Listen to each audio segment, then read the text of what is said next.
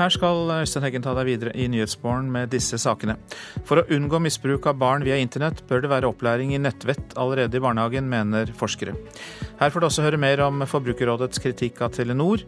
Og det ble få norske medaljer under OL, men eh, Kygo sørget i hvert fall for at Norge var musikalsk representert. Og professor ved Norges idrettshøgskole, Lars Tore Rangland, skal evaluere innsatsen og fortelle oss hva vi kan gjøre for å forbedre oss til neste OL. Barn eh, burde lære nettvett i barnehagen, det mener eksperter NRK har snakket med. Antallet saker der barn blir presset til å legge ut nakenbilder av seg selv og seksuelt misbrukt på nett, øker kraftig. Og Det bekymrer politiet at barna som blir misbrukt på nett og mobil, kan være ned, helt ned i åtteårsalder. Den lave alderen er ikke overraskende, sier nettforsker Elisabeth Staksrud ved Institutt for media og kommunikasjon på Universitetet i Oslo. Og eh, hun ønsker å innføre nettvett allerede i barnehagen. Det er jo et kjempeproblem eh, som man absolutt bør eh, adressere. Eh, vi er ikke overrasket over at det går nedover. Noe av det handler om at eh, vi ser at yngre barn ofte er mer sårbare enn eldre barn.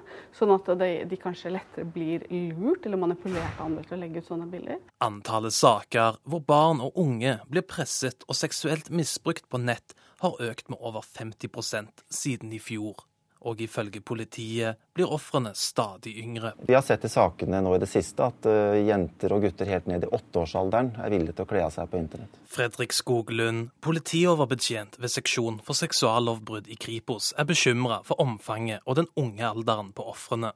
For å forebygge dette burde man lære barna nettvett allerede i barnehagen. Det mener nettforsker Elisabeth Staksrud ved Institutt for medier og kommunikasjon på Universitetet i Oslo. Gjennomsnittet for eh, norske barn å begynne å bruke internett i dag er ett år. Og det vil si at eh, Når de fleste begynner på skolen, så har de år med netterfaring. Så barnehagen er ikke, absolutt ikke for tidlig med å begynne å snakke om, eh, om bruk av nettet, og både hvordan man forholder seg til andre på nettet, og ikke minst hva man legger ut selv. Kjellaug Tonheim Tønnesen i Barnevakten mener at man ikke trenger å starte med nettvett i barnehagen. Men så fort man ser at barna blir interessert i mobil og data. Man kan snakke med ungene om sånne ting helt fra de begynner med interessere seg for skjermer og sånn. Men du kan si eh, det er jo fra eh, det stadiet de kan kommunisere via skjermer. Det er jo det som blir det viktigste stadiet kanskje å starte på. Sånn i forskolealder, Eh, første og andre klasse. Eh, ellers så tenker jeg det er kjempeviktig å starte med bevisstgjøring overfor foreldre fra barnehagealder. For det, skjermene er en stor del av ungene sin, sitt liv fra de er i barnehagealder. Så nettvett inn i barnehager med fokus på foreldrerollen og ansvaret, foreldreansvaret, det tenker jeg er på sin plass. reporter her, det var eh, Ola Solheim. Som vi hørte i Dagsnytt, Forbrukerrådet mener at Telenor bryter markedsføringsloven når de reklamerer for sin nye salgsmodell for mobiltelefoner. Telenor reklamerer i ordningen Swap med at de selger mobiltelefoner på avbetaling over to år uten å kreve renter. Ja, Det stemmer ikke, sier Forbrukerombudet, som mener markedsføringen er ulovlig og villedende. Med Swap betaler du ingenting når du kjøper mobilen, kun en fast lav månedspris over to år. Og allerede etter ett år kan du bytte til en ny mobil uten å betale mer for den gamle. Budskapet i Telenor-reklamen som surrer og går på TV om dagen. Men innholdet i reklamen får det til å skurre i ørene på forbrukerombud Gry Nergård. Vi mener jo at eh, det er vanskelig å kunne si rentefri og kostnadsfri og begreper som de bruker sånn, når det viser seg at eh, mobiltelefonene som du da eh, kjøper gjennom abonnementet her, blir dyrere. Så vi har sagt at vi mener at det er villedende og ulovlig den måten de markedsfører det på. Ombudet mener merkostnaden ved å binde seg til swap-avtalen ikke blir opplyst godt nok. Et eksempel NRK har sett på, er en iPhone 6, som blir 13% dyrere enn å kjøpe den kontant. Derfor har Forbrukerombudet bedt teleselskapet om å endre markedsføringen. De fokuserer jo veldig på hvor billig det er, mens eh, vi mener jo at de må fokusere også på hva kostnaden faktisk er. Nei, Vi syns jo ikke det er riktig, da. Telenor avviser at de villeder kundene selv om selskapet svarer Forbrukerombudet at de vil rette seg etter deler av kravene. Swap er en, en, måte å kjøpe mobiltelefon på, hvor vi garanterer for både at du kan få en bra innkjøpspris når du leverer den tilbake, og at du får en forsikring. Og Det er inkludert. Så Dette her synes vi er en veldig ryddig, ålreit og bra måte å kjøpe mobiltelefon. Men når dere bruker ord som rentefri og halv pris og kostnadsfri, eh, det er ikke en fare for at kundene da blir villeda? Nei, Det kan jeg virkelig ikke skjønne, at kunden blir villedet av dette her. Forbrukerombudet sier de nå vil gjennomgå Telenors argumenter. Hvis vi fremdeles står langt fra hverandre, så må vi jo se om eh, vi må sende saken over til Markedsrådet, som da kan avgjøre hvem som har rett. Reportere Simon Skjelbostad Yseth og Johan B. Settem. Det skal handle om skolestart og utenforskap i Politisk kvarter, om en drøy time altså. Og hvem får du med deg i studio, programleder Trond Lydersen? Kunnskapsminister Torbjørn Røe Isaksen. Han roper varsko om at elever med minoritetsbakgrunn, og som dropper ut, kan havne i et farlig utenforskap. Og så forteller han at elever med minoritetsbakgrunn gjør det dramatisk dårligere på skolen enn elever med norsk bakgrunn. Men hva gjør han så med det?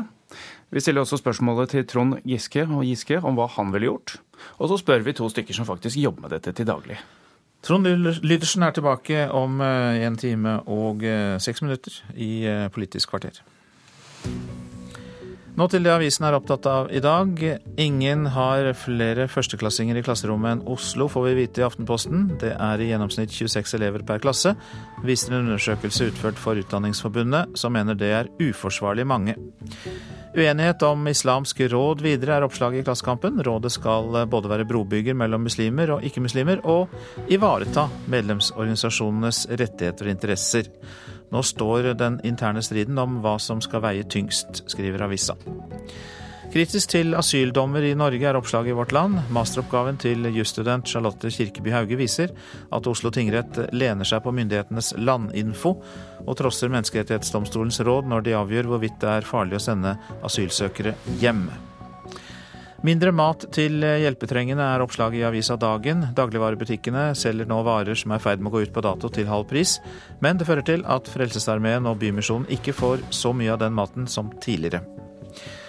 Vært sammen siden 1981, nå har de giftet seg. Dagsavisen forteller om Tommy Berg og Mai Nerstein Jacobsen, som har giftet seg når de nå er pensjonister.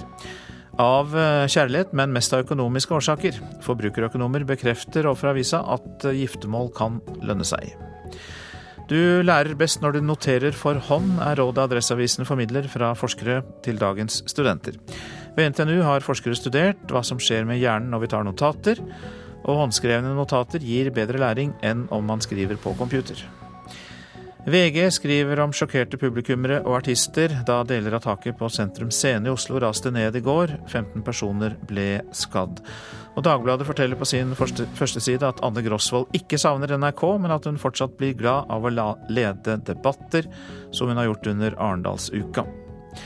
Bergen kjenner sølvsmaken, skriver Bergens Tidende. Søndagens kamp mellom Brann og Rosenborg var slik fotballkamper skal være, med fulle tribuner og to topplag som gir alt for poengene.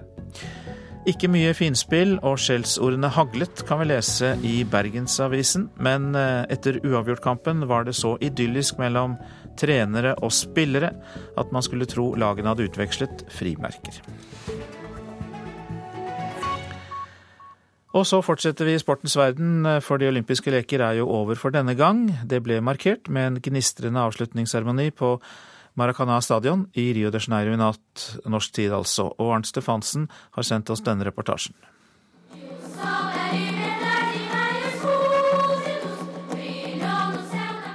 «27 barn fra Rios nabokommune Niteroi fremfører en egen versjon av Brasils nasjonalsang.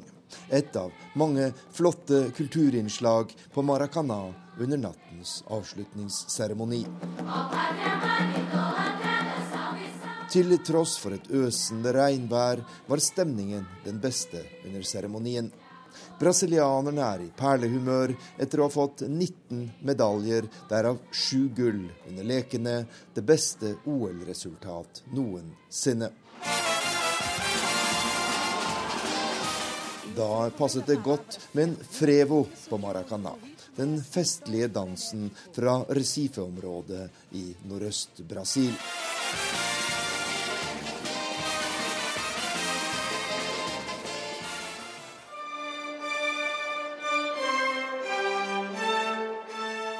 Kenyas nasjonalsang lød også på Maracana i natt. Vinneren av gårsdagens maratonløp, Iliud Kipchoge, fikk sin gullmedalje utdelt av IOC-president Thomas Bach.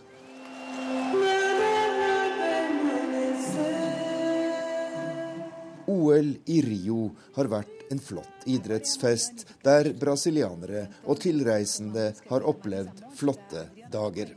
Da kan man jo tilgi at den tekniske avviklingen har vært noe ujevn.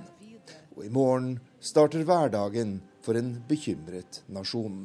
Hva kommer etter den søte kløe?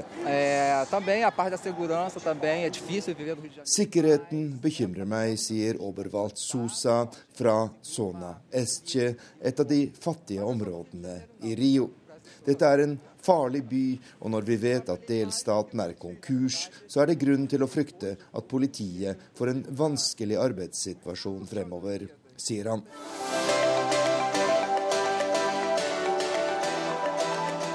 Norges medaljehøst her i Rio har vært mager, men under avslutningsseremonien var vi med.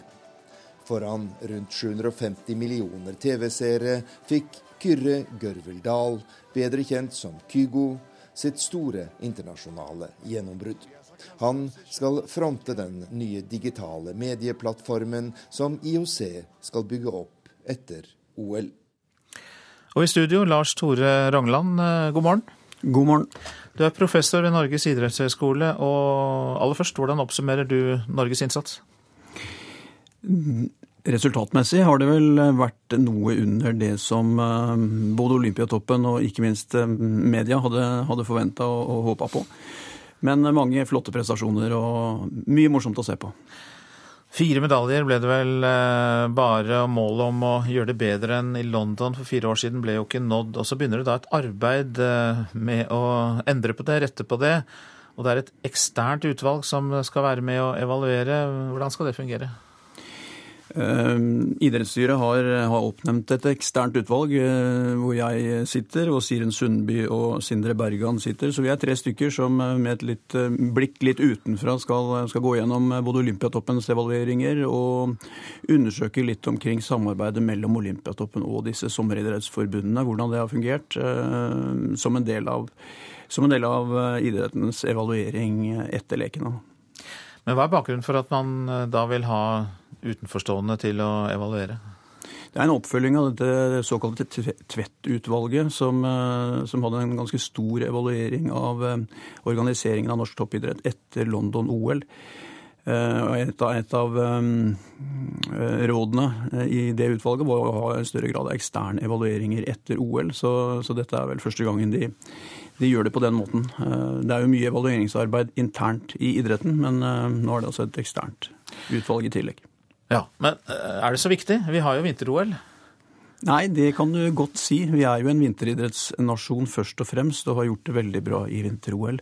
Så, sånn sett så er kanskje ikke dette så veldig, veldig overraskende. Men uh, det kommer veldig, veldig sterke kritiske røster når resultatene blir litt svakere enn forventa, uh, eh, om sommeren også. Eh, hva tror du skal til? Er det, du nevnte samarbeid her i stad, men eh, er det snakk om mer penger bare, eller er det måten vi gjør det på som bør endres?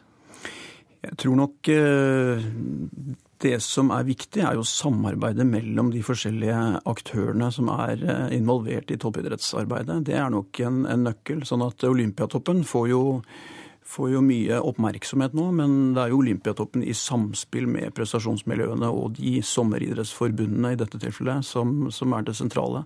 Så, og det, det, som har vært norsk toppidretts styrke, det er vi er en liten nasjon med, med, hvor, hvor, miljøene har kjennskap til hverandre, hvor det er mye kompetanseutveksling og et sterkt samspill. og Det er det som har gitt gode resultater tidligere. Så jeg tror det er å gå inn og se litt nøyere på, på i hvilken grad det har fungert nå, eh, blir avgjørende. Men trenger vi denne Olympiatoppen? Vi er vant til å bruke dette begrepet hele tiden, og denne organiseringen eksisterer jo. Men hva er vitsen med Olympiatoppen, da? De skal ha et, eh, et koordinerende og overordna ansvar. Eh, Olympiatoppen har jo ikke alltid, alltid, vært der, men det er klart etter at Olympiatoppen eh, ble etablert på slutten av 80-tallet, så har vi hatt store framganger i norsk toppidrett. De fleste andre nasjoner har tilsvarende organer. Team Danmark f.eks. i Danmark, som nå har gjort, gjort et kjempe, kjempegodt OL, fungerer på, på mange måter på samme måte som Olympiatoppen. Så det er særforbundenes hovedansvar eh, å, få, legge forholdene til rette for sine utøvere, men, men eh, Olympiatoppen kan være et organ som styrker det.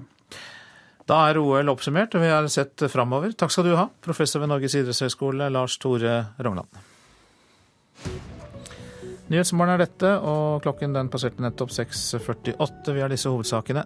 Forbrukerombudet mener Telenor bryter markedsføringsloven når de reklamerer for sin nye salgsmodell for mobiltelefoner med avbetaling over to år. Telenor er uenig, men vil rette seg etter deler av kravene fra Forbrukerombudet.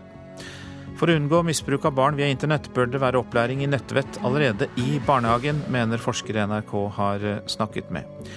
Og et småbåtregister vil sikre oss bedre mot forsikringssvindel, ulykker og forsøpling. Hvem som mener det, skal du straks få høre. For både politi og forsikringsbransjen eh, ser mange problemer med at ingen har oversikt over hvilke og hvor mange båter som finnes rundt i landet. Og de mener at eh, store redningsaksjoner, forsikringssvindel og massiv forsøpling kan unngås eller reduseres hvis vi får et småbåtregister. For det er nemlig mangelen på oversikt som kan få mange alvorlige konsekvenser. Akkurat nå så sirkler det et uh, helikopter over oss som det virker som de driver og søker etter personer i vannet. Situasjonen er uoversiktlig. En båt står i brann, og politiet vet ikke hvem som eier den. Dermed blir et stort apparat kalt ut. Helikopter og dykkere leter. Dette kunne kanskje vært unngått hvis man visste hvem som eide båten. Her har vi en uh, litt eldre jolle. Tolvfots uh, fjord, gammel uh, sak egentlig. Helt sikkert grei jolle for noen som vil pusse litt opp på den. forholdsvis brukbar og grei poengsmotor. Den er tidligere registrert, og ny eier vites ikke hvem er. Politioverbetjent Terje Sandik viser frem en gammel småbåt. Den er forlatt og dermed et problem. Og den er ikke alene. Mange båter har ingen registrering. Ja, Det er et problem i, i alle henseende. fordi at eh, hvis vi finner den drivende og, uh, og motoren er nede f.eks., så, så vil vi jo fort anta at den er eh, ja, Vi vil i hvert fall mistenke at noen kan ha falt over bord. Og det vil i en del tilfeller utløse en redningsaksjon. Eh, og da har vi heller ingen mulighet til å kontrollringe eier for å høre om den er eh, slitt seg fra brygge, eller om den er lånt ut, eventuelt hvem som har brukt den og hva den kan være brukt til. Tyverier, redningsaksjoner og forsikringssvindel er altså én del av saken. Det er også en kjent sak at omsetting av båter er en hvitvaskingsarena. Og så er det miljøaspektet. Mange båter blir bare forlatt og blir dermed til søppel. Forsikringsbransjen har lenge kjempa for et nytt småbåtregister uten å bli hørt. Geir Trulserud er leder for skadeforsikring i Finans Norge, og sier at det å bekjempe forurensning blir stadig viktigere. Det er stort, og det kommer til å bli økende. og Det er ikke bare rundt omkring i Norge, men det blir senka ganske mange båter rundt omkring i sjøen nå. Og disse båtene de lever nesten til evig tid før de går i oppløsning. Og når det ikke er et eh, obligatorisk småbåtregister, så klarer det heller ikke å få på plass en fornuftig returordning av eh, småbåter. Og eh, Stian Vårsø Simonsen var reporter her. Tokyo stålsetter seg mot tyfonen Mindulle, som er ventet å treffe storbyen i dag. Værmelderne varsler om jordskred, flom og høye bølger som følge av tyfonen. Eh, det er sesongens niende tyfon og har allerede brakt med seg styrtregn og sterke vinder til eh, sentrale og østlige deler av Japan, som har eh, påvirket transport annet. Og nesten 400 flygninger og rundt 100 togavganger er kansellert. Så får vi se hvordan været utvikler seg i Japan. Nå om at vi her hjemme henter oss mye kultur digitalt, mer enn de fleste andre land faktisk. 84 av eh, nordmenn har en smarttelefon. Men eh, hvis vi ser det på en annen måte på omsetningen, så er det et annet bilde. De kreative næringer omsetter for langt mindre enn i våre naboland. Og det vil kulturminister Linda Hofstad Helleland gjøre noe med, og tok turen hjem til Trondheim for å få innspill. Jeg hadde ønska meg at eh, Trondheim som teknologihovedstaden i Norge kan være en motor for kreativ næring, som kan skape arbeidsplasser og bli en ny industri for eh, Norge i fremtiden. Og hun fikk mange innspill i møte med festival- og konsertarrangørene, tekstforfattere og bookingbyråer. For som Linda Hofstad Helleland sier Vi skal leve av noe også i framtida, ikke bare av olje og laksen. Og innenfor kreativ næring så kan vi skape mange arbeidsplasser. Og fordi vi ligger langt framme på digitalisering, så er det ikke bare det norske markedet, det norske publikum som er kjøperne. Hele verden er det. Og nå ser vi på Kygo fra Bergen, hvordan han nå når ut i hele verden. Eh, og en av de artistene som strømmes mest, synger avslutningskonserten på OL. Det er helt fantastisk. Eh, internett det har eh, hele verden tilgang til, og da kan Trondheim som er teknologihovedstaden i Norge, spiller en avgjørende rolle. Kygo fikk god hjelp fra kompetansesenteret Brak i Bergen. I Trondheim er det Tempo som bistår artistene, og rådgiver i Tempo Thomas Rydjord ønsker et løft for disse sentrene. Kygo har hatt glede av Brak på samme måte som at Highasakite og Ida Jenshus og andre trønderske artister har hatt veldig stor nytte og glede av det Tempo backer med. Highasakite er jo det norske bandet som har ligget lengst på VG-lista takket være Spotify-streaming over 111 uker. Så jeg vil jo si at vi ligger ganske langt fram når det kommer til digitalisering likevel. Men så klart, eh, det her er et emne som det bør forskes på, det bør jobbes med. Og teknologien og musikknæringa må gå sammen og, og, jobbe med å fortsette å være i front i den digitale utviklinga. Sånn at når du får en verdenssuksess med en norsk artist, så, så er det et norsk selskap som sitter på de rettighetene. Når Kygo streames 500 millioner ganger, får han sine penger, men resten går til et amerikansk plateselskap. Robin Jensen eier produksjonsselskapet Design Music i Trondheim. Han leder et publishingselskap i Stockholm og har solgt millioner av plater i Asia. Han mener vi må bli flinkere til å fremsnakke norsk musikk med kommersiell suksess. For da gjør vi sånn som de gjør i Sverige f.eks., der er de jo sikkert 10-15 år foran oss på akkurat det. Der de kommersielle aktørene blir framsnakka og, og heia på, istedenfor at man blir eh, dratt vekk og tatt ned. En av aktørene i musikkbransjen var det, Robin Jensen, til reporter i Trondheim, Grete Tobro. Filmfestivalen i Haugesund åpnet i går med premieren på 'Løvekvinnen', basert på Erik Fossnes Hansens roman om jenta med hår over hele kroppen. Hovedrollen som Eva spilles av nykommeren Ida Ursin Holm, som med dette har fått det vi kan kalle en ugjenkjennelig start på sin filmkarriere bak en hårete maske. Fantastisk. Alle de her hårene, når, forsvinner de? De forsvinner aldri. Det var veldig spesielt. Det er en uh, ny opplevelse. Jeg har ikke opplevd det før. Og, eh, men det var så fint å kunne ha det fysisk på. Leve seg inn i karakteren på en helt annen måte. Og selvfølgelig uh, sjokkerende å se seg selv da, første gang. Hva tenkte du da? Jeg tenkte wow, dette er helt dette, dette er ikke meg. Hvis det virkelig ingenting din kan gjøre? Dessverre. Vi må bare håpe at det faller av. Kan du skjønne hvordan det ville vært å være født med hår over hele kroppen? Jeg kan i hvert fall føle at jeg i hvert fall har en viss en mer forståelse for det etter at jeg hadde på maska. Men jeg syns jo også at uh, det, er mye i den filmen som man kjenner seg så igjen i. Uansett om det handler om at, at hun har hår. Det er jo den ekstreme på en måte masken.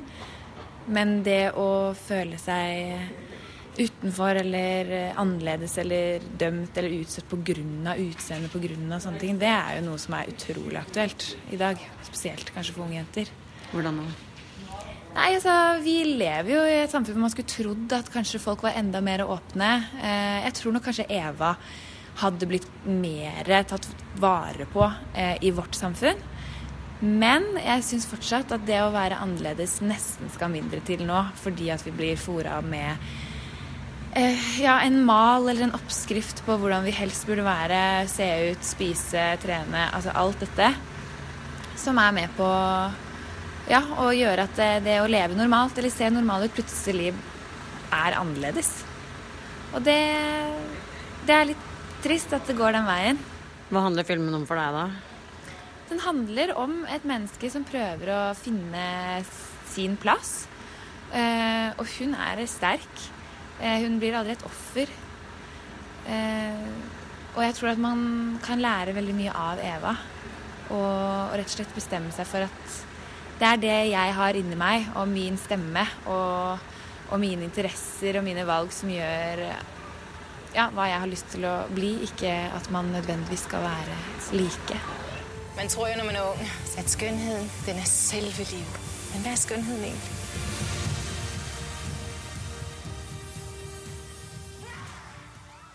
Ja, da møtte vi hovedrolleinnehaver Ida Ursin Holm i samtale med Siss Vik. Og hva anmelderen vår mener om filmen, det får du vite i Kulturnytt om en drøy time. Så tar vi for oss værvarselet. Østafjells enkelte regnbyger i dag. Lokalt kan det bli eh, kraftige byger. Kan hende også med torden. Det er eh, mulighet for litt sol av og til, riktignok. Mest på Østlandet, nord for Oslo. Og så blir det lokale Lokal tåke eller lave tåkeskyer først på dagen. Vestlandet sør for Stad periode med sol, men også enkelte regnbyger, kan hende med torden, og flest byger i indre strøk. Møre og Romsdal og Trøndelag. Eh, stort sett pent vær først på dagen, men seinere noe regnbyger, kan hende med torden. Periode med lokal tåke eller lave tåkesky langs kysten først på dagen. Og Nord-Norge får lokal tåke langs kysten også. Ellers oppholdsvær og periode med sol. Fra i ettermiddag enkelte regnbyger, mest av det i indre strøk i Nordland. Spitsbergen får opp i vestlig liten kuling utsatte steder. I nord spredte regnbyger, ellers opphold og en del sol. Temperaturer klokka fem. Svalbard fire, Kirkenes ni, Vardø og Alta åtte, Tromsø ti, Bodø tolv, Brønnøysund 13, Trondheim 11, Molde 14, Bergen 13, Stavanger 16, Kristiansand 14, Gardermoen 10, Lillehammer 11, Røros 9 og Oslo-Blindern 13. Arbeiderpartiet vil kreftundersøke tidligere bygningsarbeidere. Norge tok kun fire medaljer i Rio-OL. Nå skal resultatene granskes. Her er NRK Dagsnytt klokka sju. Mellom 200 og 300 nordmenn som tidligere jobbet med asbest, blir hvert år rammet av lungekreft. Det viser et anslag fra Kreftregisteret. Stortingsrepresentant Jan Bøhler fra Arbeiderpartiet krever at de tidligere asbestarbeiderne nå får tilbud om CT-screening. Det vil redde mange liv, sier han. Jeg er redd for at tidligere så tenkte man at det er så høy dødelighet i forhold til lungekreft at det er nesten eh, like godt å ikke vite.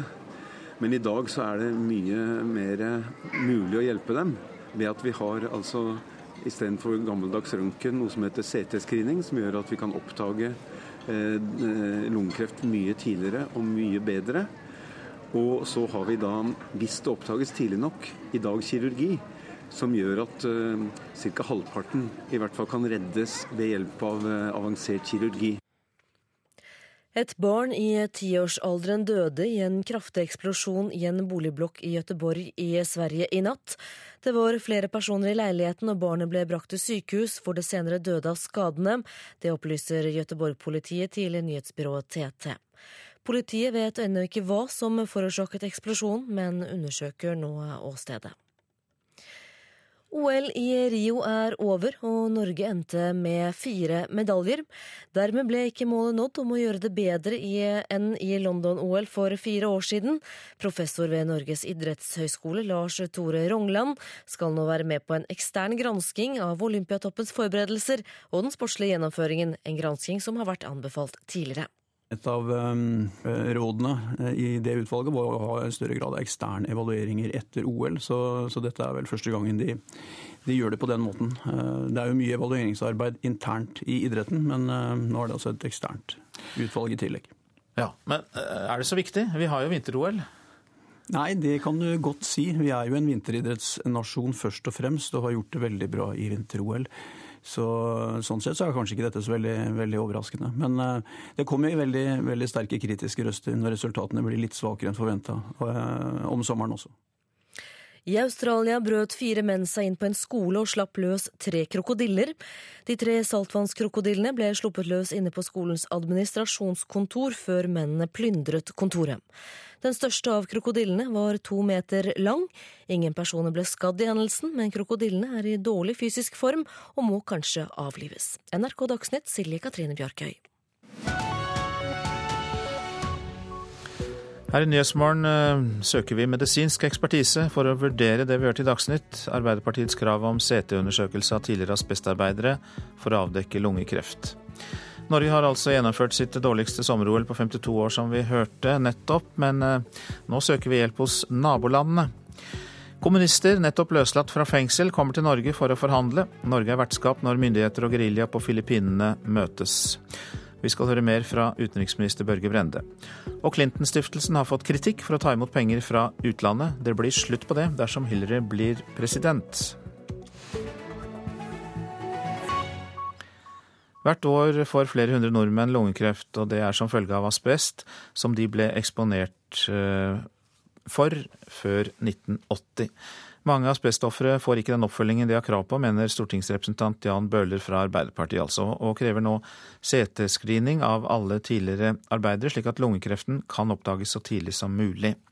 Trond eh, Torgunrud jobbet med asbest i mange år, og han vet om mange kolleger som er gått bort pga. kreft. Ja, det gjør jeg faktisk. Og i ettertid så har det vært veldig skummelt det med noen av mine beste kamerater, de som har gått der og blei borte før de var 50 år. Trond har vært heldig. 20 år med asbest i den for lengst nedlagte Eternittfabrikken på Slemmestad har gitt ham noen ufarlige kalkflekker på lungene, ifølge legen. Det støva, du så jo nesten ikke han som jobba siden av deg, så det var mye støv og mye styr. Men mellom 200 og 300 mennesker, de aller fleste menn, får hvert år lungekreft som en følge av asbest, viser et anslag fra Kreftregisteret. Det er de gamle sliterne som nå blir rammet, de som jobbet med asbest før asbestforbudet tidlig på 80-tallet, sier Arbeiderpartiets Jan Bøhler. Nå er det en, det som kalles en bølge i europeiske miljøer av eh, antall som rammes av eh, lungekreft av tidligere asbestutsatte. Bøhler vil nå ha en masseundersøkelse ved hjelp av CT av alle tidligere asbestarbeidere. Da kan vi redde liv, sier han. Jeg er redd for at tidligere så tenkte man at det er så høy dødelighet i forhold til lungekreft at det er nesten like godt å ikke vite. Men i dag så er det mye mer mulig å hjelpe dem. Og kanskje blir det som Bøhler ønsker. For ved Statens arbeidsmiljøinstitutt, STAMI, jobber de nå med spørsmålet om CT-screening av asbestarbeidere, og både fagbevegelsen og norsk industri er med i dette arbeidet. Meningen er at gruppen skal komme med et råd i løpet av året, men dette er ikke noe enkelt spørsmål. Det sier overlege og avdelingsdirektør i Stami, Carl Christian Nordby. Hvis eh, dette hadde vært en så god metode at vi var sikre på at man bare ved å se på bilder kunne skille kreft fra ikke-kreft, så ville man kunne tilby operasjon til de som hadde kreft. Og Det er jo oppsiden med å gjøre den undersøkelsen. Nedsiden er da at du må følge opp med til dels eh, operative eh, prosedyrer for å finne ut om det som man da ser på bildet, og som kan fremtre som kreft, faktisk er kreft eller ikke. Og Mange viser seg da å ikke ha kreft, og får da en unødvendig oppfølging. Og Denne avveiningen den er ikke avklart vitenskapelig i dag, hvor, hvor grensen går for når man eventuelt skulle begynne å gjøre slik screening på de som er asbesteksponert. Hvilke skadevirkninger snakker vi om? Nei, vi snakker jo om at man må inn i lungene med utstyr for å ta ut celleprøver. Og det kan da føre til blødninger, og i verste fall til, til fatale bivirkninger. Dette er en så spesielt eh, utsatt gruppe med stor risiko. De som har jobbet med asbest og ofte har røyket mye. Og de har rettigheter i henhold til arbeidsmiljøloven. Det stiller seg annerledes. De har rettigheter i henhold til et innskjerpet EU-direktiv av 2009 og arbeidsmiljøloven. Så det er en annen problemstilling hvor de, eh, hvor de må få innfridd sin rett vi snakker om her. Er svaret fra Jan Bøhler. Jobben min nå det er steinlegging og sånne ting. Så det er liksom du driver ute i frisk luft og har det trivelig. Her er det ikke noe asbest. Og tilbake på Slemmestad der har Trond Torgunrud slått seg til ro som anleggsgartner. Han er blitt kalt inn til legekontroll flere ganger, men innrømmer at han ikke har vært flink til å møte opp. Han har jo følt seg frisk. Han røyker ikke engang. Men det går jo an å ombestemme seg. Jeg ble innkalt til Drammen og sånt nå, fra legekontoret nedi, nedi her, så jeg hadde stadig fått noen sånne meldinger som jeg ikke har svart eller gjort noe med. Da. Så kona er litt sur på meg for jeg ikke har fulgt opp det. Du får gjøre det, da. Ja, jeg får prøve å gjøre det. Jeg gjør det. Og eh, det var eh, Hans Jørgen eh, Solli som var reporter her, og vi legger til at Jan Bøhler har tatt denne saken opp i Stortinget nå. Og vi har med oss eh, Vemund Digernes fra studio i Kristiansand. God morgen til deg. Ja, god morgen. Du var jo bl.a. bedriftslege ved Dyno Industrier, har vært fagsjef i arbeidsmedisin i Norsk Industri og opptatt av asbestarbeidernes helse. Er du enig i behovet for slike CT-undersøkelser? Ja, jeg vil gjerne legge til at jeg har eh, undervist asbestarbeidere de siste ti årene innenfor rammen av eh, de asbestkursene som de regionale verneombudene har. Så jeg har vært engasjert i saken i, i mange år. Mm. Ja, jeg er helt enig med Bøhler. Dette er en eh, rettighet som asbestarbeiderne har, og denne rettigheten har vært neglisjert i Norge i altfor lang tid. Ja, det, dette er lovpålagt. Det nevnte jo Bøhler, og du tar det opp igjen. Men hvorfor har den vært neglisjert, nærmest eh, vært en sovende lov? Ja, Norge har vært, vi har vært i en særstilling. Eh, utviklingen har gått forbi oss i de andre europeiske land. Eh, gjennom EU-direktivet har, har, man eh, fremskyndet de moderne metodene for helseundersøkelser. De, er, de gjennomføres i f.eks. Tyskland, Sveits, Østerrike, Frankrike osv., og, og hvor man tilbyr denne helseundersøkelsen. Det har også vært en stor internasjonal konferanse eh, som konkluderer med at dette er nå dagens standard, medisinske standard for slike helseundersøkelser. Så vi har vært alt bakpå altfor lenge i Norge. Hvorfor tror du det har skjedd, at vi er så bakpå sammenlignet med mange andre land eh, vi kan, eh, godt kan sammenligne oss med? Det er på mange måter uforståelig. Eh, den saken er blitt neglisjert. Jeg har selv forsøkt å tatt dette opp med visse, visse mellomrom de siste ti årene.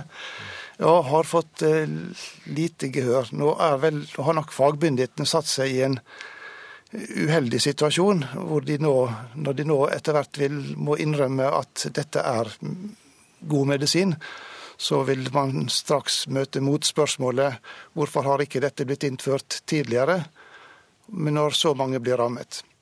Så de skyver på de ubehagelige konfrontasjonene, etter sånn som jeg ser det. Mm. Men vi hørte jo også her i innslaget at det er en viss skepsis til eh, slike CT-undersøkelser, altså risikoen ved påfølgende inngrep som kan være unødvendige? Ja, Kunnskapen har økt. Dette var relevante argumenter for en ti år siden.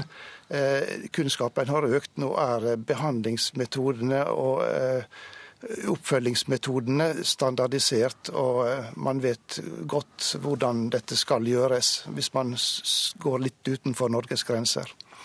Tror du at politikerne nå forstår at de ikke kan være bekjent av å ligge så langt etter andre land når det gjelder å følge opp asbestarbeiderne? Ja, jeg håper det. Eh, det, være, det, vil være umulig å legge lokk på denne saken eh, fortsatt, etter den oppmerksomheten dette nå bør få. Til de som ikke har eh, fulgt med tilbake i tid om dette med asbest, hvilke arbeidere var det som ble hardest rammet, og som nå da kan ha en snikende sykdom som de ikke vet om? Det var jo i de som eh, arbeidet i asbestindustrien, altså eh, eternittproduksjon, eh, også de som anvendte asbest til isolasjon. Det var isolatører.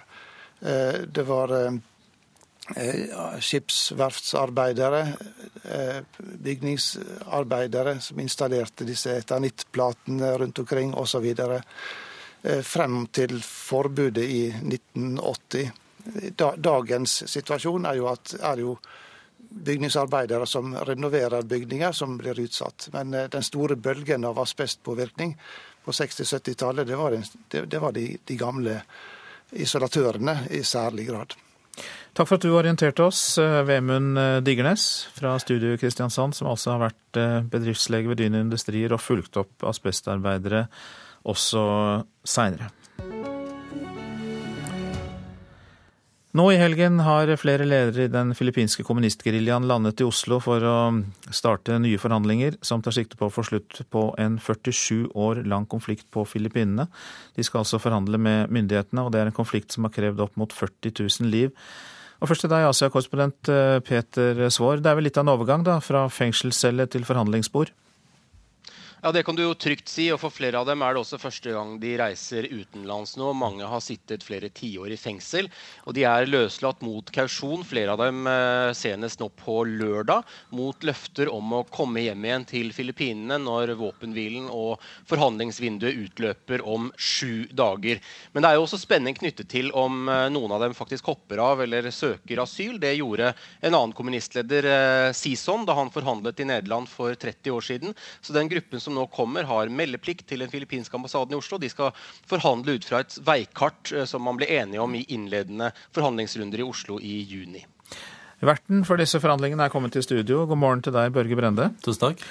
Ja, Er utenriksministeren sikker på at ingen av disse forhandlerne stikker av, hopper av eller søker asyl? Det jeg er sikker på, det er at eh, en konflikt som nesten har vart eh, i 50 år, og som har tatt livet av veldig mange mennesker, har ført til at millioner har lidd, eh, den kan se sin slutt. Og det skjer på norsk jord. Man kan aldri utelukke noe i den type fredsforhandlinger, men jeg syns Norge har et internasjonalt ansvar for å både være vertskap og fasilitator. Nå har jeg blitt bedt om det. En langvarig konflikt. Eh, hva har bidratt eh, da Brende til at det er grunnlag for å komme i gang igjen? Den eh, nye presidenten Duterte har hatt et sterkt ønske om å få bilagt denne konflikten. Han kjenner den godt. Hans fredsminister som kom i går, og som jeg møtte, har vært minister nå i tre regjeringer som har jobba med dette. Og dette er jo noe som Hele konflikten går jo tilbake eh, til 70-tallet under eh, Marcos regime. Eh, det var stor oppstand mot den måten Marcos styrte på. Det var udemokratisk, det var militærregime, og forskjellene økte enormt. Eh, denne eh, geriljabevegelsen har bestått siden den tid. Det har gått i bølgedaler, men det er fortsatt 4000-5000 eh, geriljasoldater rundt omkring. Og de henter inn ganske mange skatteinntekter på de øyene som de dominerer. Og folket som bor på disse øyene, de lever under forhold som ikke er gode. Peter Svaar, si litt mer om hvilken virkning denne konflikten da fortsatt har i dagens Filippinene. Ja, Det er jo Asias eldste væpnede opprør, dette. Selv om det på mange måter jo nå er en overlevning fra den kalde krigen og fra Marcos-perioden helt på slutten av, av 60-tallet. Kommunistene var jo også medvirkende til å få ham kastet i eh, 1986. Det er jo på mange måter et opprør som har noen likheter til lignende geriljaer i Latin-Amerika, der den styrende klassen har vært eh, alliert med Vesten og med USA, og der det har vært en ekstremt skjev fordeling av rikdom, som jo Filippinene fortsatt eh, opplever, blandet med enorm offentlig eh, korrupsjon. Eh, nå har jo Dutertes gått til valg på at han vil ha slutt på denne konflikten. Han vil også ha en forhandlet løsning med Abu Soyaf-geriljaen. Han sier for øvrig til filippinske medier at han skal forhandle i Oslo via, at han skal følge forhandlingene i Oslo via Skype.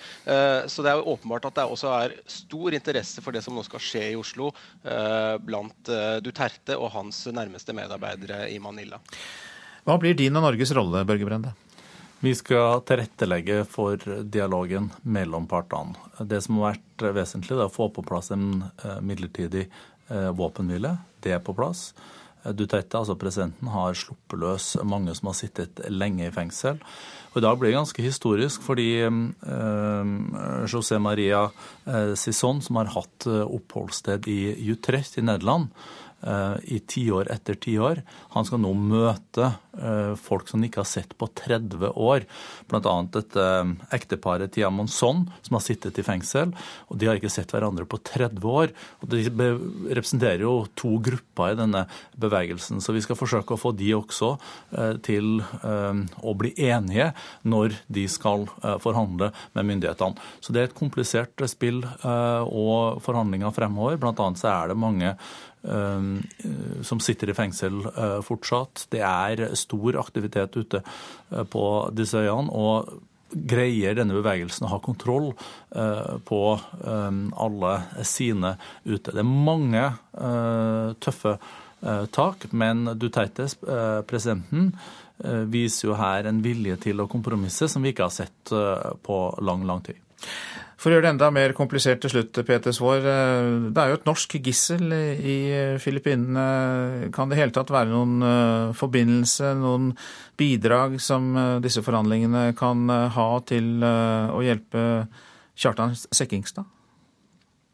Det vi vet, er i hvert fall at den viktigste forhandleren i Sekkingstad-saken, Jesus Duresa, fredsministeren til Duterte, nå er i Oslo. Han eh, skal jo ha mye med Børge Brende å gjøre i uken som kommer. Han er Dutertes eh, forhandler eh, i disse forhandlingene, men også holdt kontakten med Abu Sayyaf. Det var f.eks. Duresa som forhandlet frem løslatelsen av det filippinske gisselet Marites Flor, som satt sammen med Sekkingstad før sommeren. Og Sekkingstad er jo nå den siste i den gruppen på, på fire fire da, som ble tatt til fange i eh, september i fjor. Så alt tyder jo nå på at det pågår løsepengeforhandlinger om Sekkingstad. Det har filippinske talsmenn sagt, det har talsmenn for geriljaen sagt rett ut. Dureza er nå i Norge, han skal sitte i samme rom som Brendes. Det blir veldig spennende i hvilken grad også gisselsaken vil prege samtalene på bakrommet nå, og om vi vil se noen utvikling i den saken etter at Dureza reiser hjem igjen. Tar du det opp med Dureza, Børge Brende? Jeg har ikke bare tatt opp Sekkingstad i det lange møtet vi hadde i går. Jeg har snakka med eh, Dureza mange ganger eh, om dette, også da han var i Oslo. Jeg har også snakka med presidenten, Dutertes, og det har også statsministeren gjort, eh, om Sekkingstad-saken. Er det forhandlinger om løsepenger nå? Ja, Norge har ingenting med løsepenger å gjøre. Vi forholder oss til det som er internasjonalt regelverk der. Vi tar ikke løsepenger. Hva som skjer i eventuelle private kanaler, det kan ikke vi eh, Men det jeg har lagt tungt innover Duresa, er at vi forventer at filippinske myndigheter gjør det de kan for å legge press på Abu Sayyaf. Og det er veldig krevende det som nå skjer. og Det er satt nye tidsfrister. og Dette er jo noe som også har ramma Sekkingstad-familien her hjemme selvsagt eh, tungt. Og Sekkingstad har sittet lenge nå eh, som gissel. Mange takk skal eh, dere ha begge to, utenriksminister Børge Brende og vår Asia-korrespondent Peter Svaar. Dette er Nyhetsmorgen, klokka er 7.20. Dette er noen av våre saker. Lungekreft rammer flere hundre tidligere asbestarbeidere. Krav fra Arbeiderpartiet om CT-screening for å redde liv.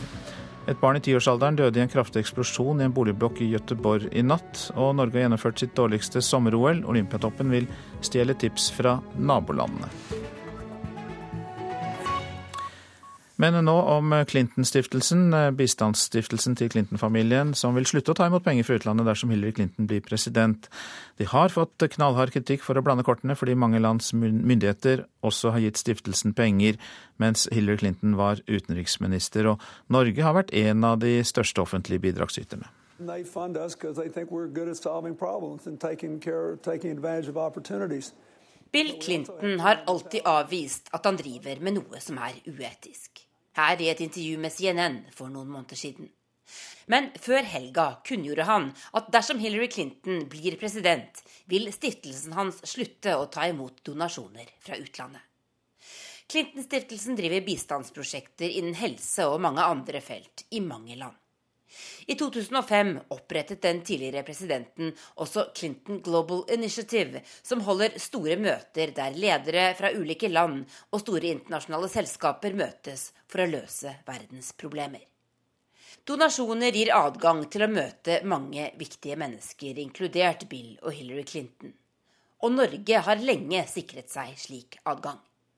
For de siste ni årene har norske myndigheter gitt rundt 640 millioner kroner til Clinton-stiftelsens prosjekter, ifølge tall Dagbladet samlet inn fra Norad tidligere i sommer. Etter hard kritikk i fjor, bl.a. for at Clinton-stiftelsen tok imot store donasjoner fra Saudi-Arabia, kunngjorde styret at den bare vil ta imot donasjoner fra Australia, Canada og fem europeiske land som allerede er på giverlista. Og der sto Norge, som også i fjor ga 30 millioner kroner til Clintons prosjekter.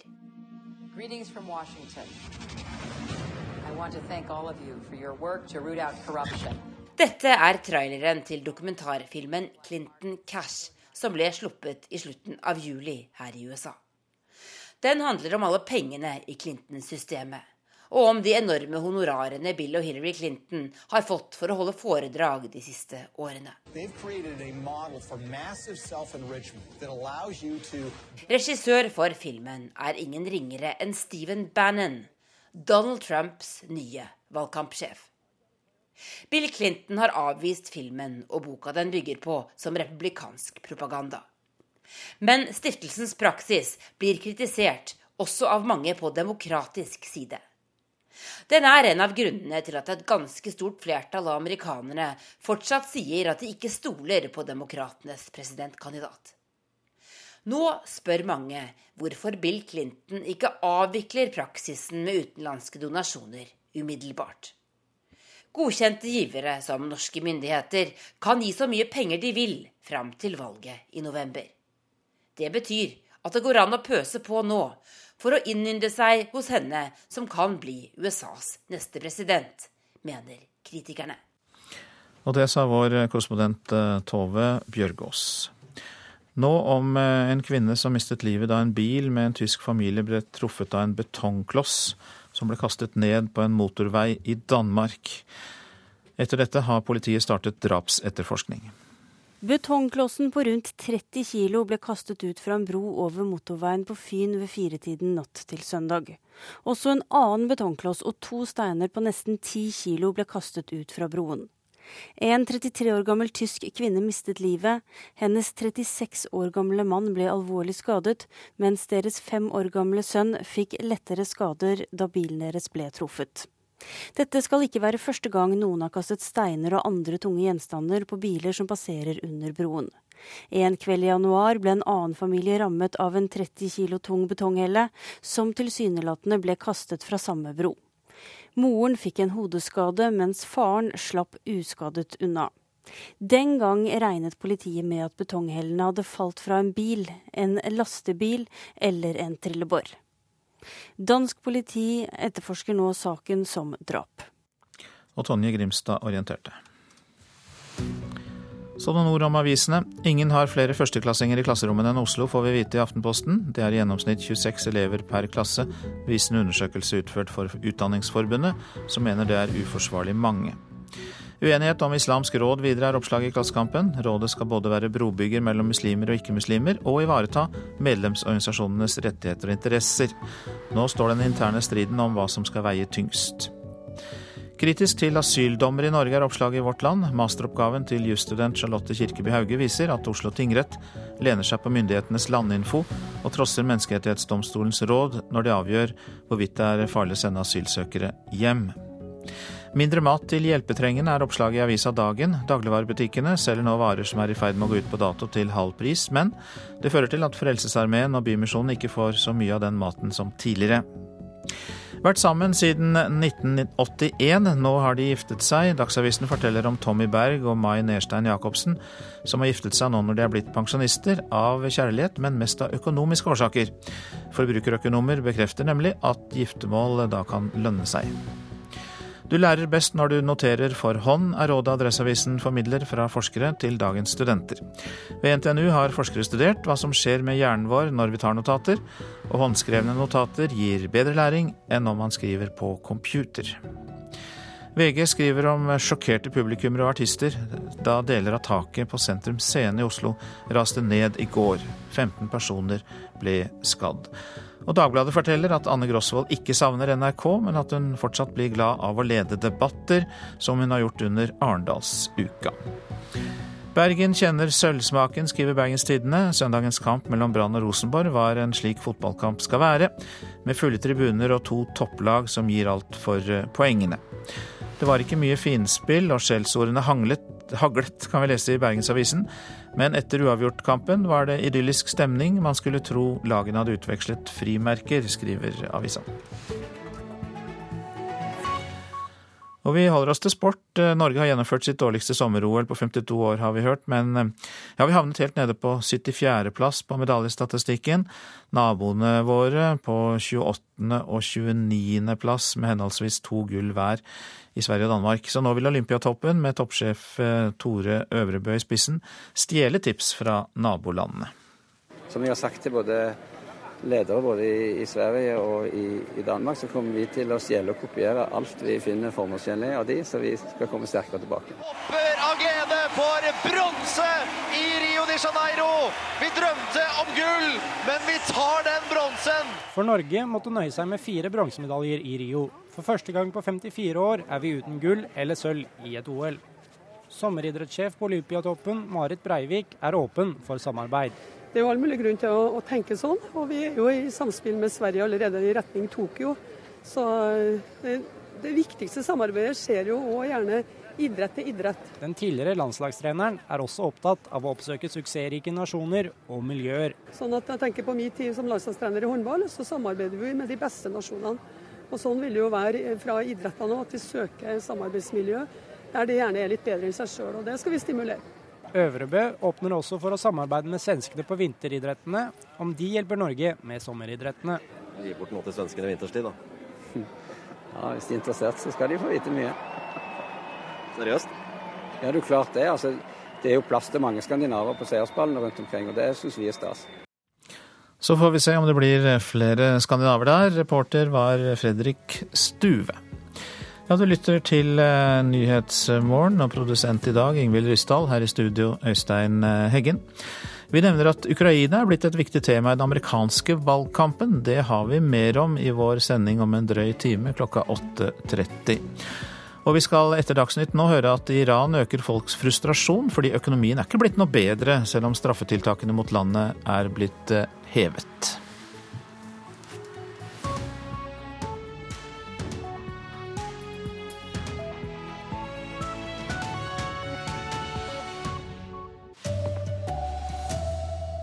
Flere hundre tidligere asbestarbeidere får lungekreft hvert år. Nettvett allerede i barnehagen kan redusere overgrep mot barn, det mener eksperter. Småbåtregister kan hindre redningsaksjoner, svindel og forsøpling. Her er NRK Dagsnytt klokka 7.30. Hvert år får flere hundre nordmenn lungekreft fordi de ble utsatt for asbest før 1980. Stortingsrepresentant Jan Bøhler fra Arbeiderpartiet krever nå undersøkelse av alle tidligere asbestarbeidere, slik at eventuell lungekreft kan oppdages så tidlig som mulig. Trone Torgunrud jobbet med asbest i mange år. Han vet om mange kollegaer som er gått bort pga. kreft. Ja, det gjør jeg faktisk. Og I ettertid så har det vært veldig skummelt det med noen av mine beste kamerater, de som har gått der og ble borte før de var 50 år. Trond har vært heldig. 20 år med asbest i den for lengst nedlagte Eternittfabrikken på Slemmestad har gitt ham noen ufarlige kalkflekker på lungene, ifølge legen. Det støva, du så jo nesten ikke han som jobba siden av deg, så det var mye støv og mye styr. Men mellom 200 og 300 mennesker, de aller fleste menn, får hvert år lungekreft som en følge av asbest, viser et anslag fra Kreftregisteret. Det er de gamle sliterne som nå blir rammet, de som jobbet med asbest før asbestforbudet tidlig på 80-tallet, sier Arbeiderpartiets Jan Bøhler. Nå er det en, det som kalles en bølge i europeiske miljøer av um, antall som rammes av um, lungekreft av tidligere asbestutsatte. Og vi har ny medisinsk teknologi som gjør det mye mer meningsfylt å gjøre noe nå enn det var tidligere. Bøhler vil nå bruke CT til å masseundersøke alle tidligere asbestarbeidere. Da kan vi redde liv, sier han. Og spørsmålet blir nå vurdert av en arbeidsgruppe ved Statens arbeidsmiljøinstitutt. Overlege og avdelingsdirektør Carl Christian Nordby ved instituttet sier at det kan være vanskelig å se om det er kreft eller ikke, bare ved hjelp av CT. Ekstra stråling og omfattende oppfølging med operasjon før endelig diagnose kan stilles, gjør dette til en vanskelig avveining, sier han. Og denne avveiningen den er ikke avklart eh, vitenskapelig i dag. Det er arbeidsfolk som har slitt og stått på og tatt en stor risiko uten å vite om det. Og da syns jeg dette er egentlig ganske grovt urettferdig, hvis vi ikke tar det mer på alvor. Reporter Hans Jørgen Solli. Telenor bryter markedsføringsloven når de reklamerer for den nye salgsmodellen for mobiltelefoner. Det mener Forbrukerombudet. Telenor reklamerer i ordningen Swap at de selger mobiltelefoner på avbetaling over to år uten å kreve renter. Det stemmer ikke, sier forbrukerombud Gry Nergård. Vi mener jo at eh, det er vanskelig å kunne si rentefri og kostnadsfri og begreper som de bruker sånn, når det viser seg at eh, mobiltelefonene som du da eh, kjøper gjennom det abonnementet her, blir dyrere. Med Swap betaler du ingenting når du kjøper mobilen. Kun en fast, lav månedspris over to år. Budskapet i Telenor-reklamen som surrer og går på TV om dagen. Men innholdet i reklamen får det til å skurre i ørene på forbrukerombud Gry Nergård. Vi har sagt at vi mener at det er villedende og ulovlig den måten de markedsfører det på. Ombudet mener merkostnaden ved å binde seg til swap-avtalen ikke blir opplyst godt nok. Et eksempel NRK har sett på, er en iPhone 6, som blir 13% dyrere enn å kjøpe den kontant. De fokuserer jo veldig på hvor billig det er, mens eh, vi mener jo at de må fokusere også på hva kostnaden faktisk er. Nei, Vi syns jo ikke det er riktig, da. Telenor avviser at de villeder kundene selv om selskapet svarer Forbrukerombudet at de vil rette seg etter deler av kravene. Swap er en, måte å kjøpe mobiltelefon på, hvor vi garanterer for både at du kan få en bra innkjøpspris når du leverer den tilbake, og at du får en forsikring. Og Det er inkludert. Så Dette her synes vi er en veldig ryddig, ålreit og bra måte å kjøpe mobiltelefon. Forbrukerombudet sier de nå vil gjennomgå Telenors argumenter. Hvis vi fremdeles står langt fra hverandre, så må vi jo se om eh, vi må sende saken over til Markedsrådet, som da kan avgjøre hvem som har rett. Reportere Simon Skjelbostad Yseth og Johan B. Settem. Barn bør lære nettvett allerede i barnehagen, det mener eksperter NRK har snakket med. Antallet saker der stadig yngre barn blir presset til å legge ut nakenbilder av seg selv og seksuelt misbrukt på nett, øker kraftig. Nettvett i barnehagen kan være et viktig grep, sier nettforsker Elisabeth Staksrum ved Institutt for media og kommunikasjon på Universitetet i Oslo. Det er jo et kjempeproblem eh, som man absolutt bør eh, adressere. Eh, vi er ikke overrasket over at det går nedover. Noe av det handler om at eh, vi ser at yngre barn ofte er mer sårbare enn eldre barn. Sånn at de, de, kanskje lettere blir lurt eller manipulert av andre til å legge ut sånne bilder. Antallet saker hvor barn og unge blir presset og seksuelt misbrukt på nett, har økt med over 50% siden i fjor og ifølge politiet blir ofrene stadig yngre. Vi har sett i sakene nå i det siste at uh, jenter og gutter helt ned i åtteårsalderen er villige til å kle av seg på internett. Fredrik Skoglund, politioverbetjent ved seksjon for seksuallovbrudd i Kripos, er bekymra for omfanget og den unge alderen på ofrene. For å forebygge dette burde man lære barna nettvett allerede i barnehagen. Det mener nettforsker Elisabeth Staksrud ved Institutt for medier og kommunikasjon på Universitetet i Oslo. Gjennomsnittet for eh, norske barn å begynne å bruke internett i dag er ett år. Og det vil si at eh, Når de fleste begynner på skolen, så har de år med netterfaring. Så barnehagen er ikke for, absolutt ikke for tidlig med å begynne å snakke om, eh, om bruk av nettet, og både hvordan man forholder seg til andre på nettet, og ikke minst hva man legger ut selv. Reporter Ola Solheim. Store redningsaksjoner, forsikringssvindel og forsøpling gjør at politiet og forsikringsbransjen ønsker seg et småbåtregister. Både politiet og forsikringsbransjen ser mange problemer med at ingen har oversikt over hvilke og hvor mange båter som finnes rundt om i landet. Akkurat nå så sirkler det et uh, helikopter over oss som det virker som de driver og søker etter personer i vannet. Situasjonen er uoversiktlig. En båt står i brann, og politiet vet ikke hvem som eier den. Dermed blir et stort apparat kalt ut. Helikopter og dykkere leter. Dette kunne kanskje vært unngått hvis man visste hvem som eide båten. Her har vi en uh, litt eldre jolle. Politioverbetjent Terje Sandik viser frem en gammel småbåt. Den er forlatt og dermed et problem.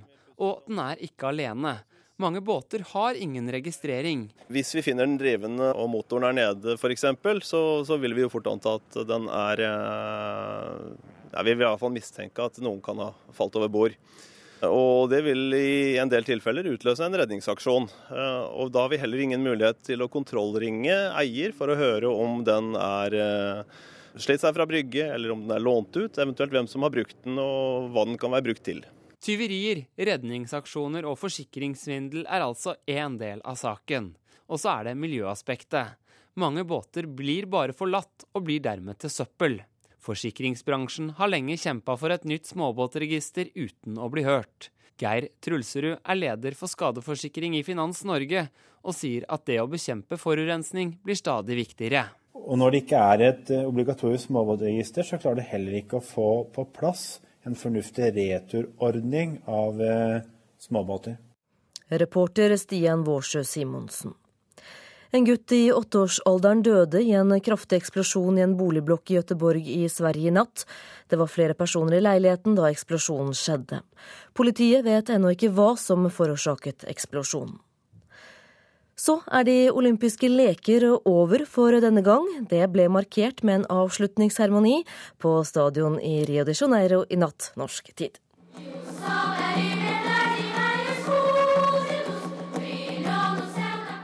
27 barn fra Rios nabokommune Niterói fremfører en egen versjon av Brasils nasjonalsang. Brasilianerne er i perlehumør etter å ha fått 19 medaljer, derav 7 gull under lekene, det beste OL-resultat noensinne. Da passet det godt med en frevo på Maracana den festlige dansen fra Recife-området i nordøst-Brasil. OL i Rio har vært en flott idrettsfest, der brasilianere og tilreisende har opplevd flotte dager. Da kan man jo tilgi at den tekniske avviklingen har vært noe ujevn. Og i morgen starter hverdagen for en bekymret nasjon. Hva kommer etter den søte kløe.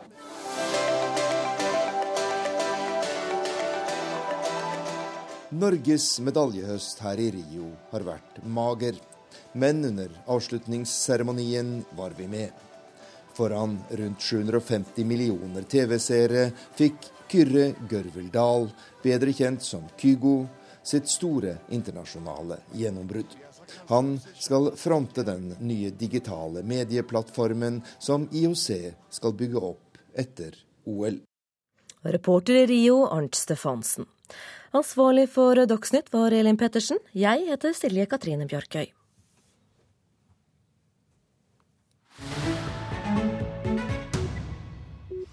Da slår vi fast at du lytter til Nyhetsmorgen, og eh, vi skal snakke om Iran. Der er folk frustrert over at økonomien ikke har blitt noe bedre, selv om det nå er gått åtte måneder siden mange av straffetiltakene mot landet ble opphevet. Det var eh, bedre under sanksjonene, for da hadde folk forutsigbarhet. Nå vet vi ikke helt hva som venter oss. Det sier iranske Nadir Amari til eh, NRK.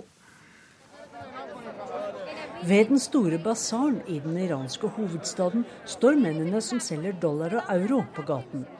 Det er fremdeles kontanter som gjelder her, selv om iranerne har sine egne interne bankkort. Vi trenger investeringer, både utenlandske og iranske.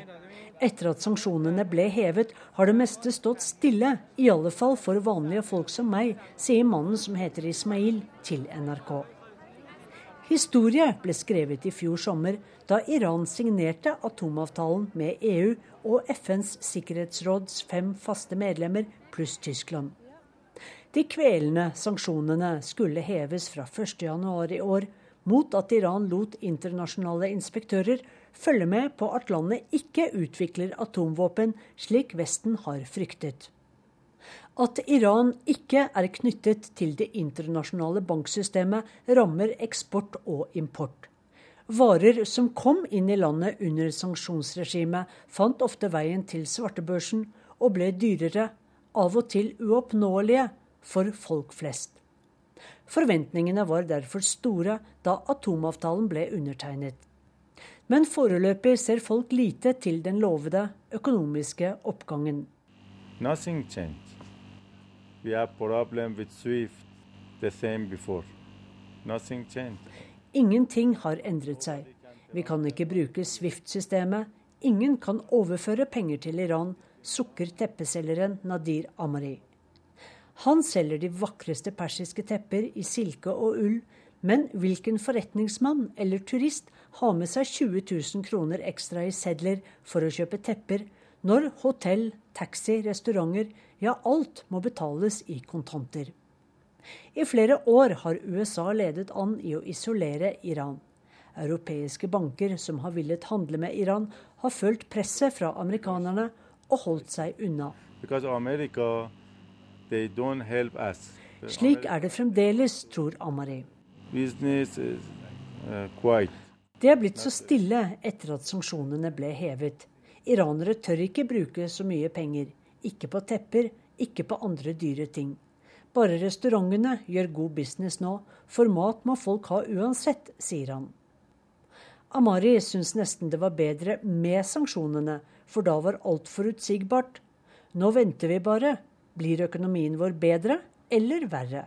Folk er usikre og dermed forsiktigere med pengene sine. Blant pengevekslerne utenfor basaren er ordvalget noe skarpere. De eneste som vinner på opphevelsen av sanksjonene, er dem som stjeler av lasset, sier en.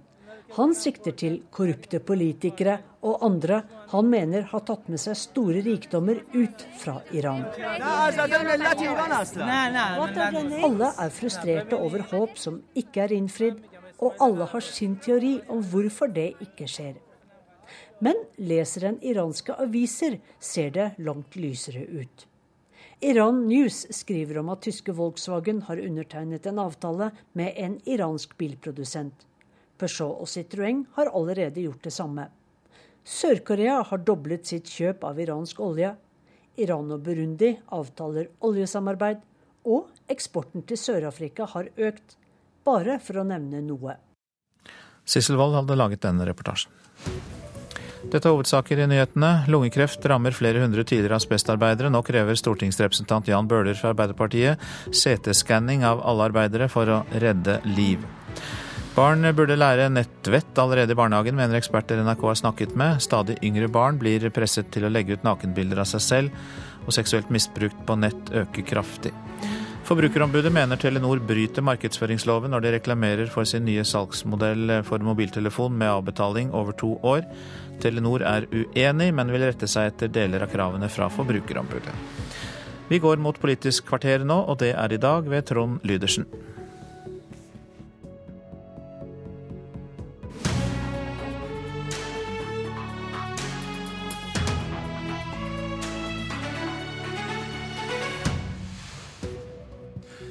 Kunnskapsminister Torbjørn Røe Isaksen roper varsko om at elever med minoritetsbakgrunn som dropper ut av skolen, kan havne i et farlig utenforskap. Men hva har han tenkt å gjøre med det? Og vil han høre på rådene han får fra en lærer som faktisk jobber med dette til daglig? Ny høst. Drøyt 60 000 små håpefulle starter i disse dagene på skolen. Eh, kunnskapsminister Torbjørn Røe Isaksen, Torsdag så skrev du i et debattinnlegg i Aftenposten hvor du advarer om at dette nødvendigvis ikke går bra for alle. Jeg skal lese en linje fra det debattinnlegget. Når elever med minoritetsbakgrunn gjør det dårlig, har det en tilleggsdimensjon fordi selv om utenforskap i seg selv er farlig, så er utenforskap kombinert med etniske og kulturelle skiller enda farligere. Hva er det du frykter, hva er det du ser for deg? Nei, det, det, jeg, frykter hvis vi ikke gir alle den utdannelsen de trenger, og gjør andre ting også for integreringen, det er jo at man skal få en, ja, nærmest en, en, fast, ny, permanent underklasse som i tillegg er annerledes enn majoriteten fordi de har en annen kulturbakgrunn, kanskje en annen religion og en annen hudfarge. Eh, og det er, det er jo den situasjonen som vi har sett i en del andre land i Europa, i en del storbyer i Europa, som, som gir en i verste fall eksplosiv utvikling. Men så er det mulig å gjøre noe med det. Vi gjør noe med det hver eneste dag på skolen i dag. Men vi må bli enda flinkere, og det blir desto viktigere jo flere som kommer hit fra andre land. Enda flinkere, men altså, du setter et voldsomt fokus på dette. Men jo, setter du voldsomme at, ressurser på det? Jo, men, ja, vi setter også store ressurser på det, men vi må nok også gjøre enda mer i årene som kommer. Fordi at uh, norsk skole har jo to store oppdrag. Det skal være en utdannelsesinstitusjon, og så skal det også gi dannelse, altså gi noen felles verdier, en felles kulturramme som, uh, som, uh, som for elevene. Så vet vi at det er veldig mye bra i norsk skole. Det er veldig mye vi får til. Det er veldig mye vi får til også i de store byene våre med høy innvandrertetthet. Men allikevel så er det sånn at en del elever går ut etter ti år på skolen og har så rett og slett så svake faglige forutsetninger at de vil ha problemer med å fullføre videregående skole eller, eh, eller fullføre, gå inn i arbeidslivet på en på, på, ja. Trond Giske eh, fra Arbeiderpartiet, du leder utdanningskomiteen på Stortinget. Eh, deler du bekymringen til ministeren? Ja, jeg deler den fullt ut, men ikke bare på vegne av ungdommene med minoritetsbakgrunn, men på vegne av alle de 15 000 av de 60 000 som starter skoleåret nå. Men hvis vi snakker litt om dem først, med minoritetsbakgrunn, for det er det han har satt fokus på. Det er det som er den store bekymringen. Ja da, men, men det henger sammen fordi at én av fire som begynner på skolen, kommer ikke til å fullføre videregående opplæring. Eh, det er eh, alvorlig i seg sjøl, men i et arbeidsliv hvor det nesten ikke finnes jobber igjen til ufaglærte, så er det egentlig et dramatisk sosialt bilde. Og mest dramatisk selvfølgelig hvis du i tillegg kanskje ikke er så integrert i det norske samfunnet som andre. Da kan det være en farlig eh, miks. Eh, så selve integrerings- og inkluderingsarbeidet handler jo veldig mye om denne deltakelsen. Problemet med Røe Isaksen er ikke analysene hans, det er at han har tatt seg en rolle i norsk politikk som kommentator til skoleresultater tre år ut i en regjeringsperiode. Vi må mer enn å kommentere resultater, skape resultater i skolen. Og vi har etterlyst en mye kraftigere tidlig innsats. Vi har etterlyst Eh, bedre kommuneøkonomi, slik at man kan ansette flere lærere. Og ikke minst er det viktig at disse elevene blir fulgt tett og kontinuerlig opp. Det blir litt for mye skippertak og litt for lite massiv innsats over tid som hjelper disse ungdommene til å lykkes. Vi skal ta oss og høre litt fra noen av de som jobber med dette til daglig, og som eh, har ganske klare oppfatninger om hva som faktisk trengs. Vi skal til Tøyen skole. Vi skal møte lærer og spesialpedagog Ada Gynge og rektor Terje Andersen. I dag så skal de ta imot en eh, stor eh, gruppe elever, og stort sett så har de minoritetsspråklig bakgrunn. Nei, vi gjør det beste vi kan. Og eh, det er ikke dårlig, det, men eh, når du kommer helt ny til Norge og må gå rett inn i en klasse, så har du voldsomt stort behov for både språklig lærdom, og familien har behov for vi kan kalle det kulturell, lærdom. Da. Slik at de vet hva det norske samfunnet krever, og hva de kan forvente av skolen også. Det første problemet er at politikerne legger sine egne føringer, som ikke nødvendigvis passer overens med det behovet vi ser. Vi har også eh, ganske mange barn både som trenger spesialpedagogiske tiltak, men også sånn type gråsonebarn, hvor det både er det språklige og det sosiale eh, vi må ta tak i. Det krever enorm tid, fordi det skal bygges tillit også mellom eh, pedagog og barn. Den relasjonen som, som, vi får, skal på en måte være sterk nok til at barna kan fortelle hvor, hva, hva, som er vanskelig. Det er, det er noe som tar tid. Mener du det må en mye større forståelse av at man må putte inn mye, mye mer ressurser for at dette store prosjektet med integrasjon skal fungere? Ja. ja hvis, hvis, vi skal bli altså Oslo er en, er en multikulturell by. Over 40% av barna i Oslo-skolen er flerspråklige. Hvis dette her skal bli til gavn og glede, som egentlig flerspråklighet skulle tilsi, Eh, så må det mer ressurser inn for de som er mest utsatt. Mye mer? Ja, mye mer. Ja, Røe Isaksen, kunne du tenke deg å høre på Ada Gynge? Mye mer ressurser? Ja, jeg tror, jeg tror, hun har rett i det. Eh, at eh, det kommer til å kreve mer ressurser. Så har det også litt å si hvordan vi bruker de pengene vi setter inn, f.eks. Men en ting som jeg er veldig for, som da Høyre styrte Oslo, gjorde man konsekvent, og jeg tror Arbeiderpartiet og det rød-grønne byrådet har fortsatt også, det er jo å si at vi bruker mer penger på de skolene i øst, ofte er det i hvert fall i øst, altså de skolene som har ekstra utfordringer.